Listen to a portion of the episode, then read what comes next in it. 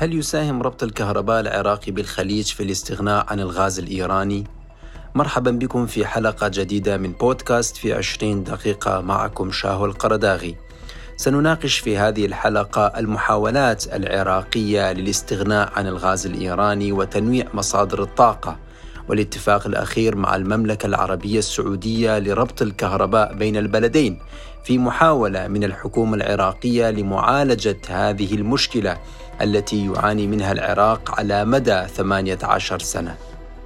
تسابق الحكومة العراقية الزمن لتحسين ومعالجة مشكلة الكهرباء والتي تحولت إلى أزمة حقيقية ومعضلة تواجه المواطن العراقي في كل عام وخاصة مع ارتفاع الطلب على الكهرباء في فصل الصيف والشتاء وعلى الرغم من أن الكهرباء دخل العراق منذ بدايات القرن الماضي وتحديدا في عام 1917 عندما نصبت أول ماكينة للكهرباء وأيضا تم إنارة أول شارع في مدينة بغداد شارع الرشيد في نفس العام. وفي ذلك الوقت بدأت تنوير المباني والمساكن. إلا أنه بعد مرور أكثر من مئة عام يدخل العراق في ظلام دامس بسبب المشاكل في هذا القطاع. ويشعر العراقيون بأنهم تقدموا إلى الوراء بدل التقدم إلى الأمام مثل باقي الشعوب والدول في المنطقة. ويقدر الخبراء الأموال الضخمة التي صرفت على قطاع توليد الطاقة منذ عام 2003 ولغاية اليوم بأكثر من 80 مليار دولار. وعلى الرغم من ذلك فإن العراق غير قادر حتى اليوم على الاعتماد على ذاته ولم يحقق الاكتفاء الداخلي بل يعتمد على الغاز والكهرباء الإيراني ويخضع دائما للضغوطات الإيرانية ومحاولاتها المستمرة لاستخدام ورقة الطاقة كوسيلة ضغط على العراق وقت حدوث الأزمات السياسية. وهذا ما تكرر هذا الأسبوع عند انخفاض إمدادات الغاز الإيراني إلى العراق ما أدى إلى توقف العديد من الوحدات التوليدية في محطات الإنتاج وانعكاسه سلبا على ساعات التجهيز وتزويد المواطنين بالكهرباء. ينتج العراق من 19 إلى 20 ألف ميجاوات من الطاقة الكهربائية بينما يحتاج فعليا إلى أكثر من 30 ألف ميجاوات ومنذ سنوات يعتمد العراق على إيران وحدها باستيراد أكثر من 1200 ميجاوات من الكهرباء فضلا عن الغاز الإيراني لتغذية محطات الطاقة الكهربائية المحلية. ومع انخفاض الغاز الإيراني ودخول العراق في أزمة كهرباء وجه رئيس الوزراء العراقي مصطفى الكاظمي وزارة النفط باتخاذ عدة إجراءات من شأنها المساهمة في توفير التيار الكهربائي للمواطنين كما حمل رئيس الوزراء الكاظمي الحكومات السابقة مسؤولية تدهور قطاع الكهرباء وأكد أن الحكومات السابقة لم تنوع مصادر استيراد الغاز واعتمدت على مصدر واحد ما أدى إلى تدهور في إنتاج الطاقة الكهربائية في حال نقص واردات الغاز أو توقفها. كما وجه رئيس الوزراء العراقي بتوفير الوقود السائل لمحطات إنتاج الطاقة الكهربائية لتعويض النقص الحاصل في واردات الغاز المستورد من الجمهورية الإسلامية في إيران. وبحسب مركز إدارة معلومات الطاقة الأمريكي فإن 23% من الكهرباء التي أنتجها العراق كان بإمدادات الغاز القادمة من إيران خلال عام 2019 بينما استورد نحو 5% من حاجته من الكهرباء من إيران في ذلك العام. وتبرر إيران سبب توقف خطوط إمدادها للعراق بتأخر سداد مستحقات مالية واجبة الدفع إلى جانب أن إيران تمر بفصل ذروة وتحتاج لمزيد من الطاقة وبالتالي هي تنجبر على خفض واردات الغاز إلى العراق. بينما يطالب العراقيون من الحكومة العراقية تقليل الاعتماد على الغاز والطاقة الإيراني وتنويع مصادر الطاقة لإخراج هذا الملف من دائرة المشاكل السياسية والاستغلال السياسي حيث يرى الخبراء أن الحكومات العراقية السابقة تعمدت إهمال قطاع الطاقة في العراق ليبقى البلاد في حاجة مستمرة لتدفق الطاقة من إيران والذي يدر الملايين من الدولارات على إيران ويجعل العراق في حاجة مستمرة إلى الطاقة الإيرانية إضافة إلى عجز العراق عن اتخاذ مواقف وطنية مستقلة في القضايا الخلافية مع طهران بسبب الحاجة المستمرة للطاقة من إيران. ومن ضمن الخطوات الرئيسية للحكومة العراقية الحالية لتنويع مصادر الطاقة وتقليل الاعتماد على الغاز الإيراني كانت توقيع مذكرة تفاهم في مجال الربط الكهربائي بين المملكة العربية السعودية والعراق حيث وقعت السعودية والعراق يوم الثلاثاء الخامس عشر من يناير مذكرة تفاهم في مجال الربط الكهربائي بين البلدين الأمر الذي سيساهم في حل أزمة الكهرباء في العراق. وقال وزير الطاقة السعودي إن توقيع مذكرة التفاهم يأتي توجيها لقيادة البلدين من أجل توطين أسس الشراكة الاستراتيجية في مختلف المجالات بما في ذلك مجال الطاقة. بينما أكد وزير الكهرباء العراقي أن الربط الكهربائي مع السعودية سينجز خلال عامين وأشار إلى أن هذا المشروع هو الخطوة الأولى للتعاون وستكون هذه المرحلة الأولى لمجموعة من المشاريع لاحقاً. وللحديث أكثر عن هذا الموضوع نناقش الكاتب والصحفي العراقي الأستاذ أحمد الخضر ونسأله عن الأسباب التي دفعت إيران سابقا في الصيف لقطع الغاز عن العراق والآن تقوم أيضا بتقليل تدفقات الغاز رغم حاجة العراق إلى الغاز لتوفير الكهرباء ما هي دوافع الإيرانيين من وراء هذه الخطوة ولماذا يقومون بقطع الغاز أو تقليل تدفقه للعراق على الرغم من معرفتهم بحاجة العراق إلى الطاقة في هذا الوقت بالذات من العام. في البداية يجب أن نعرف أن إيران تصدر لنا غاز آه، تعمل عليه بعض المحطات العراقية وتصدر لنا آه، كهرباء يعني خطوط كهرباء كاملة. بالتالي هي تستخدم ورقة الكهرباء كورقة ضغط على العراق،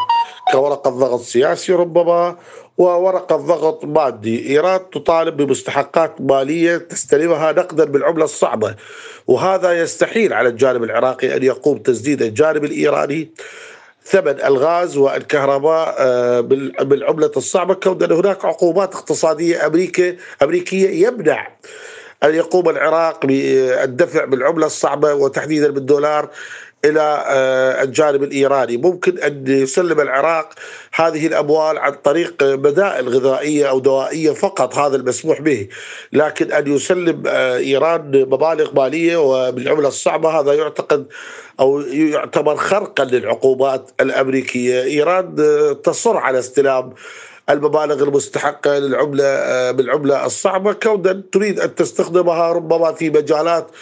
أخرى غير استيراد الغذاء آه، والدواء. بالتالي وفي النهاية هي ورقة ضغط عندما يكون آه،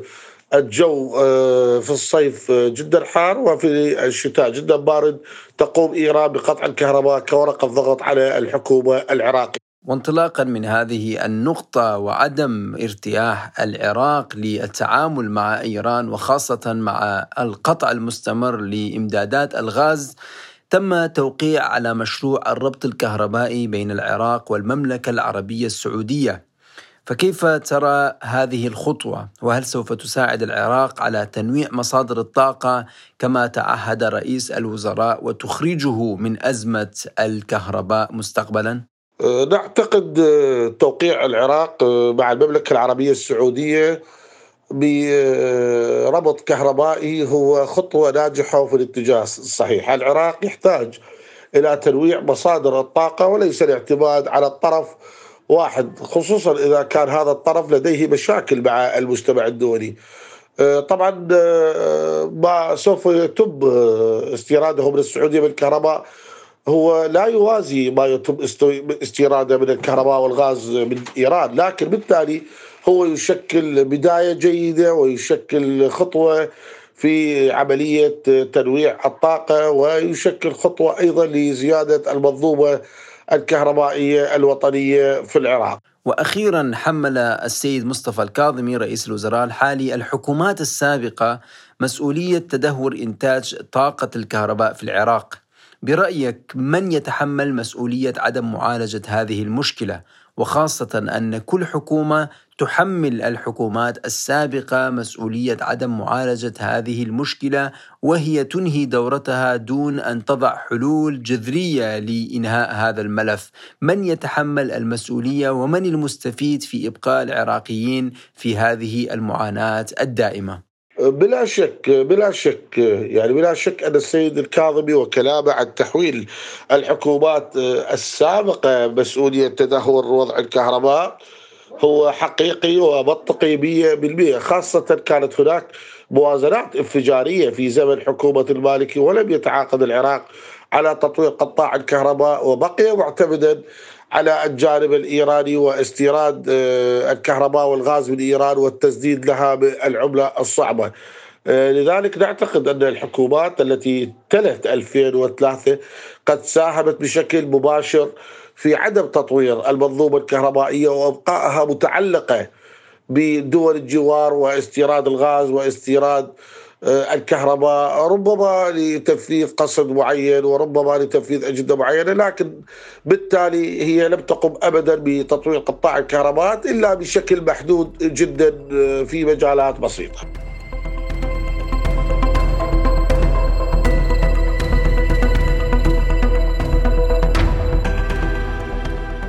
وبخصوص التعاون مع المملكة العربية السعودية قال وزير الكهرباء العراقي عادل كريم أن إنجاز الربط الكهربائي مع المملكة العربية السعودية سيتم خلال عامين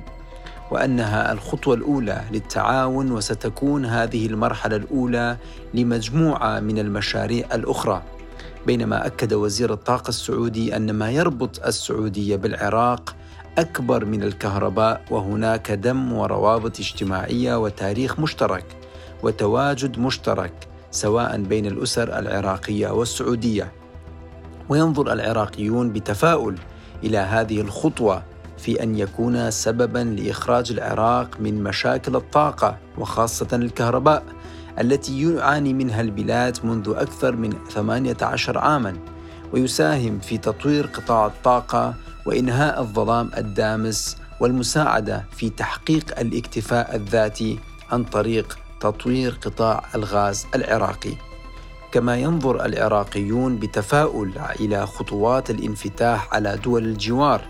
حتى لا يكون البلاد محتكرا فقط على يد الجانب الإيراني الذي بات مسيطرا على أغلب المجالات الرئيسية في البلاد وتستغل الكثير من الملفات الاقتصادية والتجارية لتحقيق مكاسب سياسية ومن بينها ملف الطاقة. وفي مؤشر واضح على انزعاج طهران من هذا المشروع وخوفها من خروج العراق من دائرة نفوذها عن طريق هذه المشاريع وتنويع العراق لعلاقاته ومصادره للطاقة صرح عضو تحالف الفتح المقرب من إيران علي الفتلاوي أن ملف الربط الكهربائي العراقي السعودي هدفه إعادة العراق إلى الحضن العربي الذي ملأ البلاد بالمفخخات والتفجيرات الإرهابية لا سيما القاعدة وداعش وهي عملية سياسية لا خدمية. ومن هذا التصريح الصادر عن جهة قريبة من إيران يبدو واضحا أن الجماعات والأحزاب الموالية لطهران قلقة من أي خطوة للخروج عن الدائرة الإيرانية وتستعمل كل جهودها وتستغل كل نفوذها لتعطيل وعرقله هذا المشروع أو أي مشروع مماثل له في العراق حتى يبقى البلاد معتمدا اعتمادا كليا على الغاز الإيراني. كما ينظر إيران بنفسها باهتمام وتركيز إلى الخطوات التي تتخذها الحكومة العراقية فيما يتعلق بالانفتاح على دول الجوار وخاصة دول الخليج والمملكة العربية السعودية لأنها نجحت في احتكار السوق العراقي خلال السنوات الماضية وتريد أن يبقى السوق العراقي داخل دائرة النفوذ الإيراني ولا تريد أي طرف بديل يقوم بالمنافسة ويدخل وينافس هذا السوق الذي يدر عليها الملايين من الدولارات سنويا. بينما العراق قد جرب خلال السنوات الماضية العلاقات مع إيران ولم يؤدي ذلك إلى معالجة المشاكل وخاصة في مجال الطاقة بل تفاقمت بصورة أكبر وبالتالي تبحث العراق اليوم عن بدائل ومنها العلاقات مع المملكة العربية السعودية سواء في مجال الطاقة أو الاقتصاد أو الزراعة أو مجالات أخرى.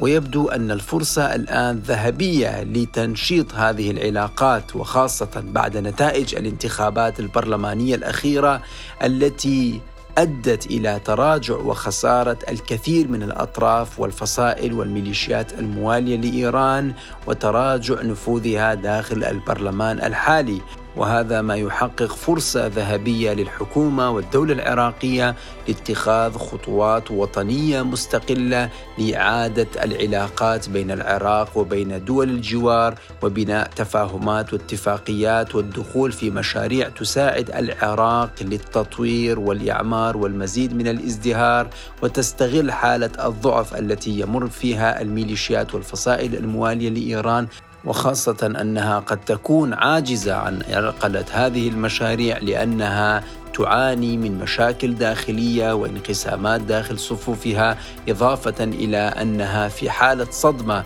من نتائج الانتخابات البرلمانية الأخيرة التي شكلت ضربة كبيرة لنفوذ هذه الميليشيات وأدت إلى تراجع مقاعدها ونفوذها وخسارتها بصورة كبيرة. وبالنظر إلى هذه الوقائع والمعطيات يبدو أن مشروع إنارة العراق من قبل المملكة العربية السعودية بات أقرب بكثير من التحقق على أرض الواقع في الوقت الحالي وتجاوز الكثير من العراقيل والعوائق وخاصة أنه سيضع نهاية للابتزاز السياسي والاقتصادي الذي تمارسه طهران مستغلا هذا الملف وخاصة قطاع الكهرباء إضافة إلى مساهمة هذا المشروع في إنهاض العراق ومساعدته لتجاوز الكثير من المشاكل والأزمات إضافة إلى تطوير قطاع الطاقة والغاز داخليا ليستطيع العراق مستقبلا الاعتماد على نفسه دون الاستيراد من الخارج. إلى هنا ننتهي من حلقة هذا الأسبوع من بودكاست في عشرين دقيقة. ناقشنا فيها إمكانيات نجاح الربط الكهربائي الخليجي مع العراق وخاصة التعاون الأخير بين العراق والمملكة العربية السعودية ومساهمتها في استغناء العراق عن الغاز الإيراني الذي أصبح ورقة ضغط وابتزاز سياسية واقتصادية بيد الطرف الإيراني ضد العراق. شكرا لكم لحسن الاستماع وإلى اللقاء في الحلقات القادمة.